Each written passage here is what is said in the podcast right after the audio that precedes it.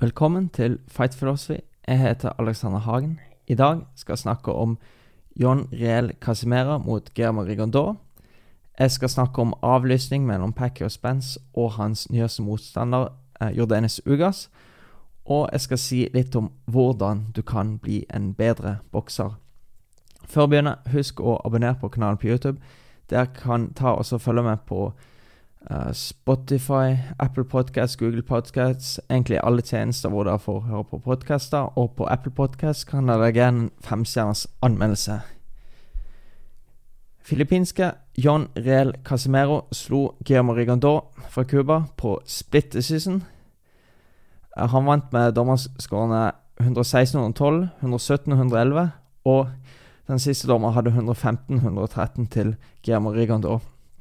Eh, det var bare Rigo sitt andre tap i sin boksekarriere. Og det ble nok en kamp hvor Rigo for mm, allmennheten ikke så så veldig bra ut. Det var veldig, veldig uh, mye øy store øyeblikk, kamper hvor de egentlig bare så på hverandre. Det skjedde ikke så mye. Det var ikke veldig actionfylt. Det var mye teknisk fin boksing fra Rigondo, men det var veldig lite slag vekslinger, og det var egentlig veldig lite som skjedde. Eh, Casimero kom inn med rekord på 30 seire og 4 tap. Rigondo hadde 20 seire, 1 tap og 1 no contest. Uh, og nå gikk jo Rigondo ned i bantavekt. Fra, han kom jo fra egentlig superbantam, men var jo oppe og møtte Lomosenko helt opp i superfjærvekt. Og nå er jo Lomosenko i lettvekt, og det sier litt om vektforskjellen mellom de to. Og mange tenker ja, Rigo er det han som tapte mot Lomosjenko. Nei, er, han er veldig mye mer enn bare det. Um, Rigo hadde forrige kamp i bantamvekt òg, som var på en måte en test at han klarte vekta. Selv om han er snart 41 år. Han blir 41 år allerede i neste måned, så han er 40 år nå. Mm, og da er det ikke vanlig at man går ned i vekt.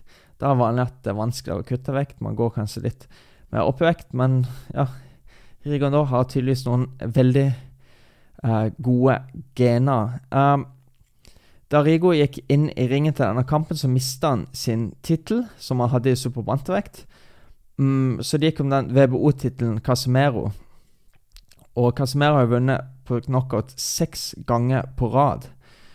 Uh, sånn veldig sånn Han har jo noen tap, men litt er i medvind. Og han er veldig offensiv bokser. Mm, blir sammenligna mye med Nonito Donair, selv om han ikke har de tekniske ferdighetene. Uh, Rigondor slo jo Nonito Donair, Uh, var det tilbake kanskje Jeg tror det var i 2013. Uh, eh, han utboksa Donair helt, så det var litt sånn uh, Nå skulle han prøve å slå enda en uh, filippiner. Rigo har jo OL-gull i år 2000 og 2004. Uh, jeg vet ikke om jeg har hørt om noen andre med like mange amatørkamper, men han sa selv han hadde 475 amatørkamper. Og Casimera hadde ikke like stor og in internasjonal amatørkarriere som Rigondo hadde, men han hadde uh, eh, 200 amatørkamper selv, så sammen så var det ja, helt ekstremt mye erfaring inne i ringen. Uh, og det her var egentlig nok en kamp som beviste hvorfor Rigo ikke alltid er så populær. Han har jo hatt en karriere som har vært mye start og stopp.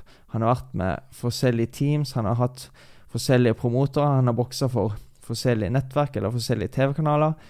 Og det virker ikke som han mm, Folk setter pris på boksingen hans. Og faktisk, i denne kampen så kunne jeg eh, Jeg har forstått det hele tiden, men nå gikk det på en måte sånn skikkelig opp for meg. OK, jeg skjønner hvorfor han ikke trekker flere publikum. Jeg skjønner hvorfor folk ikke blir så tilfreds med å se på han. Og første runde så, så ble han lagt under press uh, med en gang. Uh, Casimero gikk etter. Uh, ikke så mye kutting av ringen og sånn. Han bare gikk rett etter. Uh, slo ikke jabben. Han, han, prøvde å starte med en venstre hook, som ofte passer mot Saltpå, men for Rigondor ble det litt for forutsigbart. og så ble Rigo uh, mot slutteren som han slått i bakhodet. Og så slo Casemiro. Han fortsatte bare å slå, for det, han kunne tydelig se at, uh, at Rigo ikke likte. Han la seg liksom ned på siden, og da han gikk ned, så tok han begge hendene sine i begge hanskene toucha canvasen, så slo Casimero bare videre. Så ble det flere slag i bakhodet. Kamplederen eh, ga en advarsel, men ja, det var liksom ingen fare eller skade. Så det, det virka som at kampleder kunne begynne å telle. det. Jeg vet ikke om han skulle ha talt for det at Rigo har jo ikke lov til å snu seg, men samtidig så har ikke Casimiro lov til å stå i bakhodet, så det var litt sånn opp til kampleder. Han Jeg syns egentlig han håndterte det ganske bra, så han lot egentlig bare uh, Ga en lite tilsnakk, og så gikk uh, kampen videre. Mm. Men allerede i andre runde så ble Casimero mye mindre aktiv. Han uh, var rett og slett ikke aktiv nok, fordi at Rigo fikk respekt. Han landa noen harde slag. Det er spesielt han er jo satt på, og det er kryssen hans som er det hardeste slaget. Det er det han som Ja, det er som en missil han lander. Han traff noen ganger med kryssen sin, og da fikk eh, Casemiro respekt ganske kjapt. Og det gjorde at eh, han fikk dratt ned tempoet litt. Casemiro turte ikke ta like mange sjanser, og Rigo flytt, begynte fortsatte å flytte seg fra side til side. Han gjorde det veldig frustrerende for Casemiro. Og han skifter retning, han går begge sidene. Han tar ofte og pivoterer ut til høyre eh, på fremre hånd til eh, Casemiro. Dukker under hooken. Han tok også eh, elsteg ut til sidene. Han pivoterer begge veier og er veldig tricky, for plutselig så eksploderer han. Han flyttes litt, det er veldig sånn av seg, bam, så plutselig eksploderer han. Så det er veldig vanskelig å vite uh, hva du har for noe. Og i tredje år så fortsatte han å flytte seg. Uh, men han var problemet er at han han la jo Casemiro bomme med veldig mange slag, men han er ikke aktiv nok sjøl, så de sier boksing When you miss, you gotta make them pay. Og uh, Rigo gjør jo mest av det at han lot Casemiro bomme, men han, han straffa ikke nok. Og det var flere ganger Casemiro bare sto der og, og, så på han og var helt åpen, han var helt tilgjengelig for å bli truffet. Men Rigondo har Jeg vet ikke om det er mentalt, det var det, men det er iallfall identiteten hans er sånn. Han er en forsiktig kontrabokser. Han tar ikke unødvendige sjanser. Han bryr seg absolutt ingenting om publikum. Han gjør bare det han må for å vinne. Ingenting mer enn det. Og da er han fornøyd. Og det har nesten blitt sånn at han virker som han koser seg når publikum buer litt på han og er litt sånn ekle. Og, ja. Uh, men til gjengjeld så gikk jo Casemiro, han fulgte liksom bare etter han. Han uh, slo hull i luften, og det, det var da Casemiro som prøvde mest, men du vinner samtidig ikke runder på å prøve, så du må jo fremdeles treffe. Og han, han, ble litt for enkel, og det er jo litt av fellene de fleste som Rigondo De feller de fleste som Rigondo møter, faller i. At uh, de, de, de, blir frustrerte, og så prøver de altfor hardt, og da bommer de bare, så blir de ofte kontra. Casemiro ble ikke kontra så mye i denne kampen, men tidligere så har iallfall motstanderen til Rigondo blitt det. Og Casemiro begynte liksom å å tenke. Og det er det verste du kan gjøre mot Rigon nå. Skal du møte Rigon nå, så må du på en måte sette et høyt press hele tiden. Du kan ikke la Rigon da bare eh, leke seg på avstand og få det på den distansen han vil ha det, litt unna.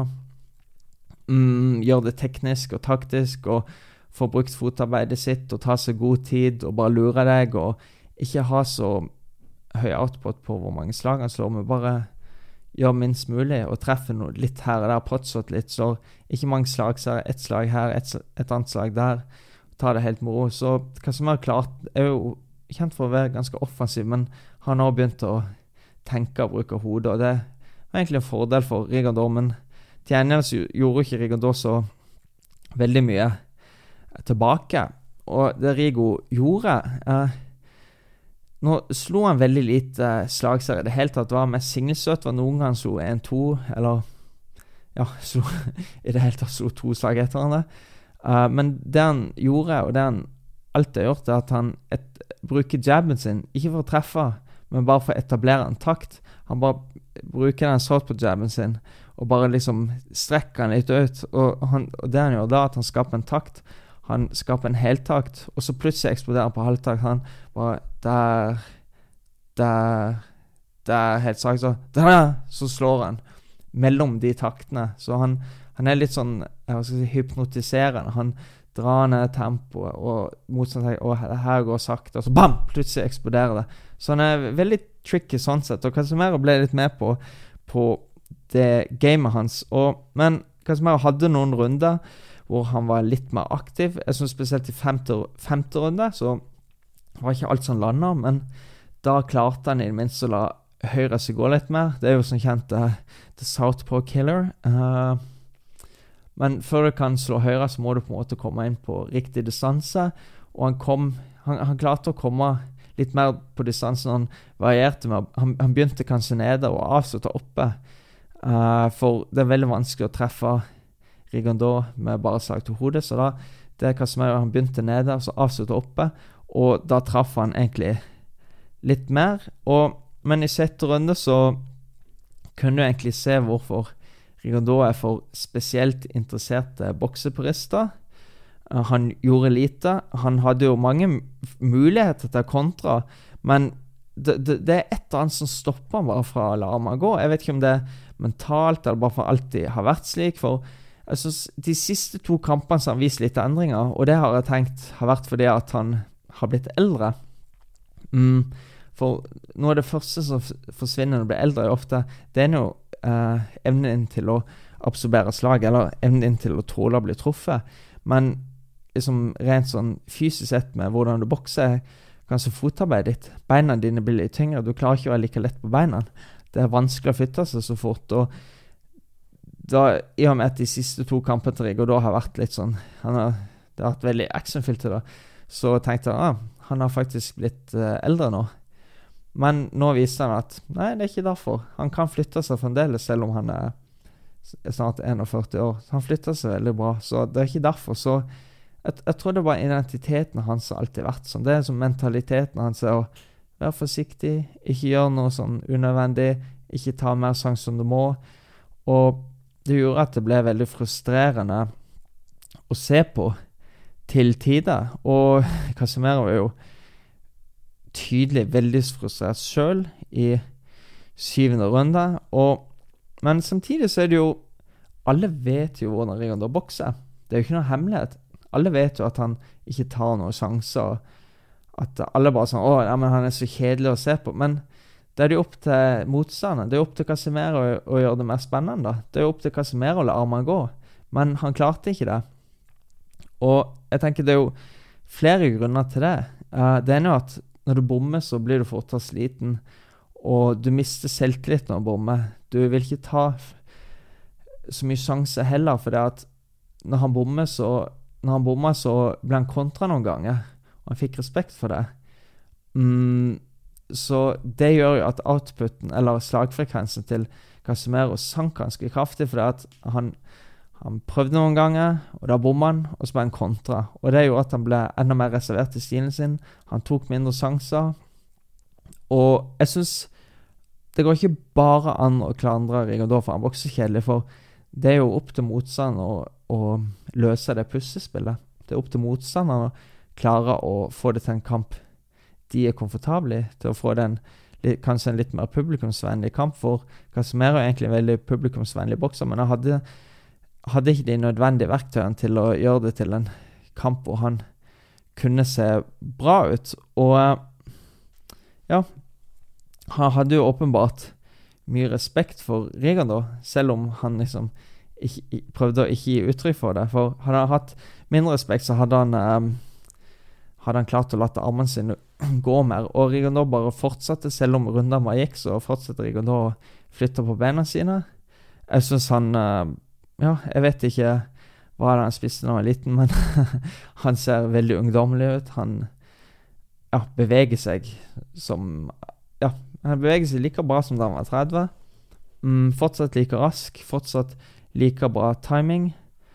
Uh, og synes, selv om han gikk ned i vekt da, så viste han at det ikke hadde noen neg negative effekter. For noen ganger hvis du går ned mye vekt, så kan det gjøre at du jeg blir litt svakere, du har ikke like mye energi, kanskje du kutter for vekt, og du klarer ikke rehydrere seg igjen. Men alt sånne ting virker helt fint. Det var liksom bare jeg tror det var mer mentaliteten til Rigor Doss gjorde at han ikke, ikke klarte å gjøre mer enn det han gjorde. Um, så det var jo det som gjorde det veldig frustrerende å se på. Men så er jo tingen Hvordan tar du bort fotarbeid til en som rigger da? Jeg tenker at det første er at du må gå til kroppen. Um, man sier at da får du lufta ut av beina til motstanderen. Da klarer du ikke å flytte like mye. Eller du har lufta ut til dekkene. Da kan du ikke flytte like mye. Du mister krefter, du mister energi, og kroppen er ikke minst uh, lettere å treffe enn hodet. Uh, kroppen er jo et mye større mål, og det suger mye mer energi. Det tapper deg for krefter. Da er det ikke like lett å flytte seg. Og dessuten, når det går til kroppen, så skaper det åpninger opp oppe, og det blir vanskeligere å uh, flytte seg i det hele tatt. Um, og ikke minst så er det viktig å kutte av ringen. For Casemiro ble som regel bare Han gikk bare etter. Han hadde ikke noe sånn fotarbeid som kanskje at Først jeg tenker på Golovkin, at han er flink til å kutte ringen og kutte i hjørnet og få motstanderen sin inn i hjørnet. Casimero gikk på en måte bare etter han, og så Første slag var som alltid power shot, altså alle slag utenom en jab. Begynte med venstre hook eller en høyre kryss, eller som regel en venstre hook. Og da så, jeg tenkte sånn Herregud, kan, kan, han ikke prøve med et nytt slag snart? For det, at det ble så mye med den venstre hooken til hodet. Og jeg tenkte sånn Han kunne jo slått en shovelhook i det minste. Jeg har en YouTube-video om det òg. For det at når du slår en vanlig, vanlig venstrehook, så slår veldig mange sånn at den er i 90 grader, har albuen oppe, på en måte, sånn 90 grader. Og det kan være fordeler og ulemper. Det Ulempen er jo at det er lett for motstander å dukke under slaget, og da er det Rigondo gjorde hele tiden. Han har dermed slått en slags sovelhook som en blanding mellom en uppercut og en vanlig hook, som du slår kanskje sånn 45 grader ca. Så det er ikke like lett å dukke under. Så jeg tenkte at det var et slag Casimero kanskje kunne prøvd å slå litt mer. Eh, og når han bare gikk, gikk etter han, så tok bare Rigondo gikk i sirkler rundt han hele tiden. Det var veldig lett for Rigondo å bare rømme og komme seg vekk, for han var ikke flink til å bruke fotarbeidet sitt. Uh, og sånn i runde ni så er Rigo ekstremt lite aktiv igjen. Da han ble nesten ikke slått noen flere slag. Casemiro prøvde litt mer, og jeg tror Selv om du ikke vinner runder på å prøve, men når motstanderen nesten ikke slår det helt tatt, så er det, det er lettere å gi rundene til den som i det minste prøver å få det til å, å bli en kamp. For Rigo ville jo ja, Han var liksom bare ikke villig til å la Arman gå nok. Og treneren eh, Terje Gondos har vært med han i noen av ja, de siste kampene. Er Ronny Shields, eh, som er en veldig bra trener, han sa til Rigo flere ganger i hjørnet at eh, han måtte la Arman gå. At, uh, at uh, han måtte være mer aktiv. men det, det, gikk liksom Det gikk liksom bare ikke inn. Og jeg tenker at Rigodo har jo alltid boksa sånn nesten hele livet sitt. Eller ja, han har boksa sånn hele livet sitt, så det er ikke sånn at han plutselig kommer til å gjøre, gjøre noe nytt selv om han vet at han kanskje burde gjøre det. Så det, det, var, det ble sånn tydelig at treneren òg ble frustrert for Jeg vet ikke, kanskje Rigondo har klart å være mer aktiv på trening, men så det er det alltid noe mentalt når det kommer kamp eller kommer stor kamp. Så ja, så blir han litt sånn reservert. Det har vært nok til å vinne to OL-gull og flere VM-titler, men allikevel så er det alltid annerledes å gå kampen og uh, gå på trening. Og publikum buer veldig mye. Um, det var jo en arena i uh, Dignity Health Sports Park, eller sånn heter det, toppen av hodet mitt, uh, i Carson, California. Det er jo kjent for å ha veldig mye actionfylte kamper der. Det er mange sånn uh, meksikansk fanbase der. Det er mange latinamerikanske folk som kommer og ser på. De vant med kamper med veldig mye action. Uh, Israel Vasquez og Rafael Marquez gikk jo en del kamper der som var ja, legendariske. Og det er så, sånne typer kamper som pleier å være der. Mye action, og ikke sånn eh, sakk mellom en cubaner og en filippiner. Og de står bare der og tenker, og det er veldig lite slag. Så publikum var tydeligvis veldig frustrert. Og, men ja, det har jo virka som at Rigo da bare Han forventa at det er sånn det skal være. Og Rigo var litt mer aktiv i tolvte. Han traff en del mer. Han lot armer gå, så tenkte jeg sånn Hvorfor gjør han ikke det her før? Men det virka sånn etter kampen var Rigondo veldig fornøyd. Han tok opp armene, og han virka sånn Ja, han var fornøyd med sin egen innsats. Publikum fortsatte å bue. Mm. Og, men det ble til slutt en split decision til Casemiro. Det her var den andre tapet til Rigondo i proffkarrieren. Det første tapet kom jo til Lomosenko, som jeg sa var en helt feil vektklasse. Lomosenko var jo altså, dobbelt så stor som Rigondo. Mm, så eh, til slutt så Du har jo sånn eh, SoStats, eller Kampivakt Ja, på Showtime heter SoStats, så har du folk som sitter og teller hvor mange slag som blir slått, hvor mye jabs, hvor mye powershots og hvor mye som lander. Og de hadde talt at uh, Rigo bare landa 44 slag, og Casemiro landa 47 slag. Og en tolvrunders tittelkamp så Jeg kan ikke huske å ha sett så lave tall før noensinne. Jeg, jeg vet ikke om det er det laveste tallet noensinne, det, det er godt mulig ikke det, altså, men en, en kamp av sånn kaliber, så var det ja, Det var et, et, nesten trist hvor lave de tallene var. Så det, det, det tegnet jo bilder på hvordan kampen var da. Og det som umulig for Casemiro og umulig for de andre motstanderne til Rigo å vinne noe på møtene. For det, at, det er at du får ikke mye penger for å være motstanderen hans. Han er ikke populær, han trekker ikke mye publikum. Og selv om ja, som Casemiro, du skulle slå han som Casemiro nå, så kommer du ikke til å se bra ut. For han klarer å ødelegge boksingen din. Han gjør det veldig frustrert. Og uh, du Din verdi på markedet i boksing kommer bare til å synke nesten uansett. Du får et bra navn på recorden din, men du har mist, kanskje mista ganske mye fans mens du vant, da.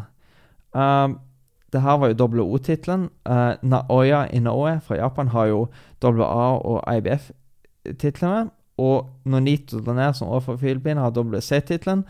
Og ja, Casimero sa jo sjøl at han vil møte Donair først, og så Inoue. så det kunne vært et Ja, mot uh, Donair kunne vært et veldig fint filippinsk uh, oppgjør. Jeg tror jeg holder egentlig en knapp på Donair, og jeg holder egentlig en knapp på Inoue òg.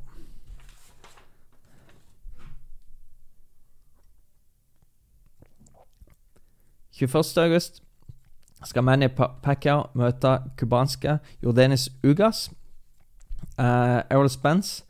Det her skulle være den store kampen på Fox Pay-Per-View. Uh, Spence måtte trekke seg fordi han fikk en rift på netthinnen under trening. Uh, han fant ut av det. Det var på en legesjekk, sånn forundersøkelse før kampen. Da han var i Las Vegas, og han ble operert bare noen dager etterpå. Da han reiste tilbake til Dallas, Texas. Uh, det var jo Ja, det her var en kamp jeg så veldig frem til. En kamp jeg egentlig ikke ga Packer sånn veldig stor sjanse, i og med at han ikke er så veldig ung lenger, og Spence Ja, kanskje den farligste bokseren i veltervekt. Men nå kommer uka sin. Han kom inn på ganske kort varsel, men han var i trening fordi han skulle forsvare sin uh, WA-tittel uh, mot Fabian Maidana på underkardet. Og han, Og Fabian Maidana, som skulle møtt, han ble jo skada. Han kunne ikke bokse. Og samme dag som Ugas fikk beskjed om det, så fikk han beskjed om at han at uh, Spence hadde trukket seg, og, dag, og, så fikk han beskjed om at han kunne møte Pacquiao, altså samme dagen som han fikk vite om sin motstander borte. Så det var jo sånn hell i uhell for han. Han har som sagt WA-tittelen, og den ble ledig etter at Pacquiao hadde sitt store arbeid. Han har ikke boksa på over to år nå. Uh, jeg syns denne kampen er Det store spørsmålstegnet er jo egentlig om alderen til Pacquiao og den pausen. Han har jo han er 42 år gammel, og det er over to år siden han så Keith Turman på split decision i en kamp som Pacquiao så Ja, han slo uh, He defeated father time, som de sier. Han så veldig bra ut. Jeg hadde ikke trodd han skulle klare å Jeg har alltid likt Terminal, altså, men jeg har ikke vært Jeg syns aldri han har vært på nivå med sånne som Errol Spence. Men uh, Pacquiao imponerte veldig mange, inkludert meg sjøl. Um, jeg var sånn Oi, han, han klarer fortsatt å snu klokka. Han klarer fortsatt å se bra ut i den alderen, selv om han har hatt veldig mange nedturer, mange setbacks. Han har ikke alltid sett så bra ut, så han har alltid klart å snudde. Han har klart å utvikle seg, han har klart å komme tilbake igjen og sett bedre ut enn noensinne. Men nå er han 42, og så lurer jeg på Når han er 42 nå, kanskje har han gått av to års pause? Ellers blir det sånn som Bernard Hopkins, da han var borte for ringen lenge og tapte sin siste kamp.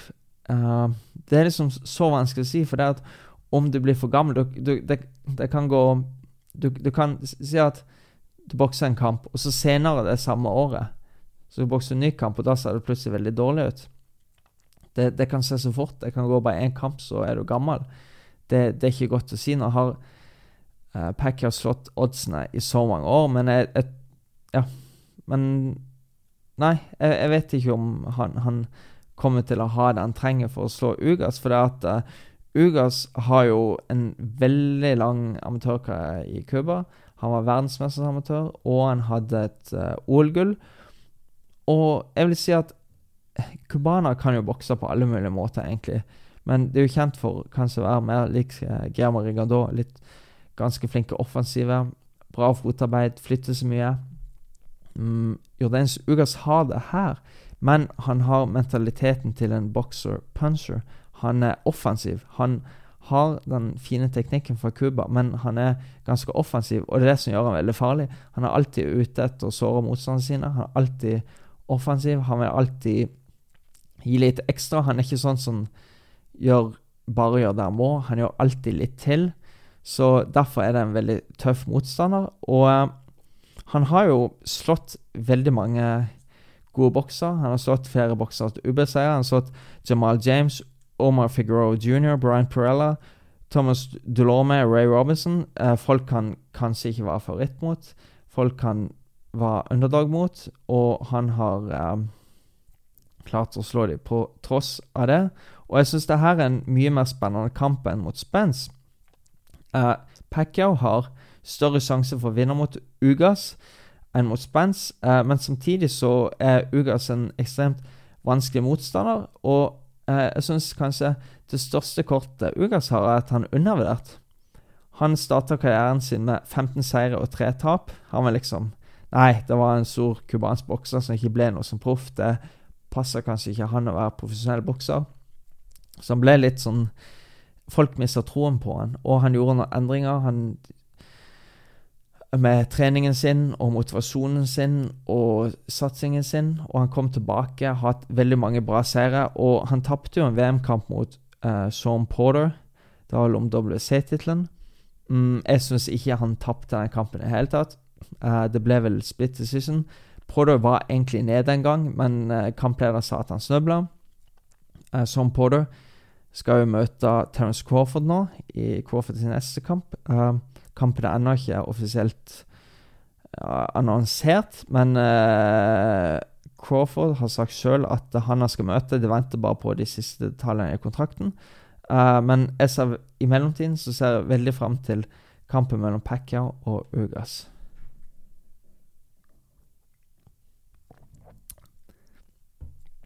Det fins veldig mange måter å trene boksing på.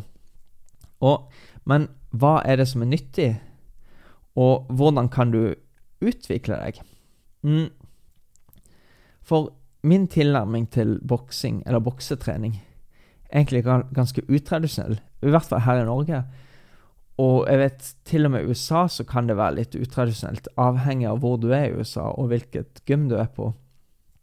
Det jeg gjør, er at jeg gjør mange sånn kjedelige øvelser. Jeg gjør mange drills. Jeg finner kanskje noen momenter jeg har lyst til å utvikle hos meg sjøl eller hos andre. Jeg finner noe jeg har lyst til å lære. Jeg finner noe jeg vil tillegge mitt arsenal.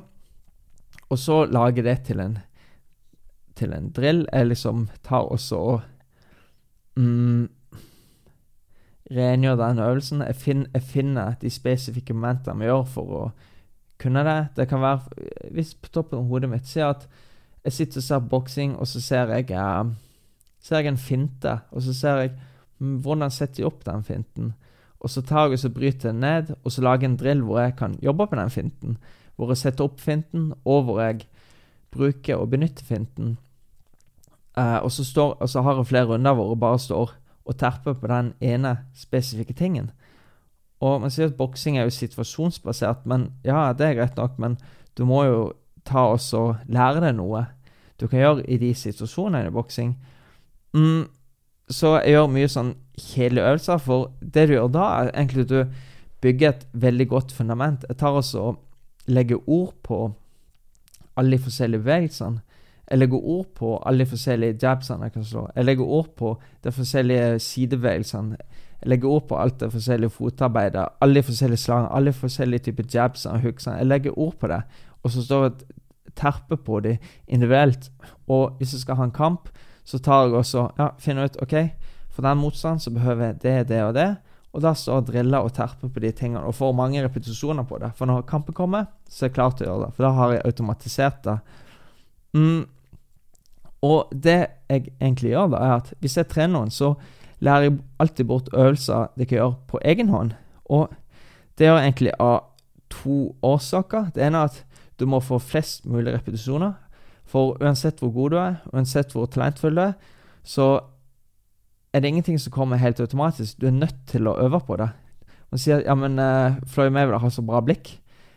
Ja, han har gode naturlige reflekser, men bare fordi han unnviker et slag, så er det ikke sånn at han lærer de unnvikelsene av seg sjøl. Jeg syns det er dumt at det legger så mye fokus på at folk har naturlige egenskaper. For selv om de har naturlige evner eller naturlige ferdigheter, sånn, så må de fortsatt ha øve på de bevegelsene. Det er ikke sånn at slipp, rull eller pull eller sånne type unnvikelser kommer automatisk hos folk. Du må fortsatt terpe på det og vite når du kan benytte det. Så det ene var at du skal flest mulig repetisjoner. Og andre synes jeg er at du må lære deg å være selvstendig. Og for det er det aller viktigste i ringen, så er vise bort øvelser du kan gjøre alene. Fordi at da kan du få flest mulig repetisjoner på det. Og du lærer å gjøre det sjøl. Du kan gjøre det når vi trener sammen, men du kan òg gjøre det alene. Da får du så utrolig mye repetisjoner på det. Og eh, du, du, må lære deg òg hvorfor du gjør det du skal gjøre. Og for, fordi at hvis du ikke vet når du kan benytte det du har lært deg, så er det ingen nytte av det. Du må vite hvordan du skal gjøre det, men du må vite når du skal gjøre det. Og eh, kanskje noe av det første jeg fokuserer på når trener, er kanskje fotarbeidet. Alt i boksing kommer fra fotarbeidet. Hvis du har en trygg base, så klarer du å flytte deg og komme ut av trøbbel. Og du er i balanse til å slå når du vil, og du er i balanse til å unnvike slag når du vil. Og når du har fotarbeid på plass, så kan du legge på f.eks. forsvar og slagteknikk. Og igjen, det, det, alt det der er veldig viktig å forstå når du skal bruke det. Det er som OK, kanskje du lærer å slå en jab. Du lærer å slå rask og hard jab. Men du lærer kanskje ikke når du skal slå jabben. Du må lære at OK, jabben er et slag du slår for distanse. Jabben er et slag, slag du slår når du har motstanderen litt langt under deg. Hvis du lærer deg å slå jabben Hvis du lærer deg så en god jab, men ikke når du skal slå den, så kan du slå jabben fra Kanskje du slår den fra når avstanden er for nær. Når du står for nær motstanden din. Og Da vil du bare bli kontra sånn ville høyre kryss eller hooks over. Så du må forstå hvorfor du gjør det du gjør. Og eh, derfor du trener på helt spesifikke ting. Du driller inn mest mulig repetisjoner av de tingene. Og så er sparring en arena hvor du skal prøve ut de tingene. Jeg synes Det som er viktig med sparring, er at det er for å lære. Selvfølgelig før en kamp så må man ha litt sånn uh, kampsparing for å gjøre det klar for kampen. Mest mulig realistisk. Men du må ha sparring hvor du har lov til å teste ut nye ting hvor du kan utvikle deg, hvor det er greit å gjøre feil uten at du er redd for å bli straffa for det. Uh, jeg tenker at sparing skal være, det skal være lek, det skal være gøy. Du skal uh, føle deg inspirert og motivert til å prøve nye ting. Det skal ikke være, være så fullt av sånne regler at du må gjøre det og det og det. Du, du, skal ha sparing hvor du kan leke litt, hvor du kan teste ut de tingene. Og sparing hvor du ikke, hvor du ikke er redd for å feile. For det at hvis sparinga bare hard, så tar du og låser det sjøl. Du tør ikke prøve ut de tingene. Og det, det, er så viktig å ha rom for å teste på de tingene. Og ikke tenke på at du skal vinne hver eneste sparing. Og en ting til er egentlig at jeg oppfordrer alle til å se på boksing. For når du ser på boksing, så kan du se spesifikke hendelser. Du kan se spesifikke sekvenser og situasjoner i ringen hvor de benytter seg av det du har lært. Så hvis jeg trener noen, så kan jeg vise en bevegelse, og så gir det kanskje ikke helt mening for dem. Så kan jeg ta og sende video av en kamp. Ja, men her kan du se at det blir benytta. Du kan se hvordan de gjør det, og hvorfor de gjør det i den situasjonen. Så når du ser på boksing, så får du mer forståelse for sporten. Ikke minst så lærer du litt, kanskje litt, forhåpentligvis litt historie om sporten òg. Men du, du, ser liksom hva passer, og hva passer ikke. Uh, det er jo mye jeg har lært her og der som jeg, som jeg har forstått og lært på egen hånd. Bare Ja, men det passer faktisk ikke. Det er ingen som gjør det. Uh, det, det, går ikke an å gjøre det en kamp. For da, jeg tenker at du kan trene på mye rart på trening, men du må trene på ting som du faktisk har nytte av. Ting som faktisk er mulig å gjøre i en kamp. Så når du ser på boksing, kan du se hva funker, og hva funker ikke. Jeg vil takke for at dere hørte på. Uh, dere får ta så huske å abonnere på kanalen kan, uh, på YouTube. Dere kan ta også like den. Legg gjerne en kommentar. Hva vil dere skal snakke om? Jeg håper å komme med flere sånne tekniske videoer snart. Vise litt uh, forskjellig bokseteknikk. Uh, Podkasten kan dere høre på Apple Podcast, Google Podcast, Spotify. Alle de podkast-tjenestene. På Apple Podcast kan dere legge en femstjerners anmeldelse. Takk for at dere så på. Vi ses snart.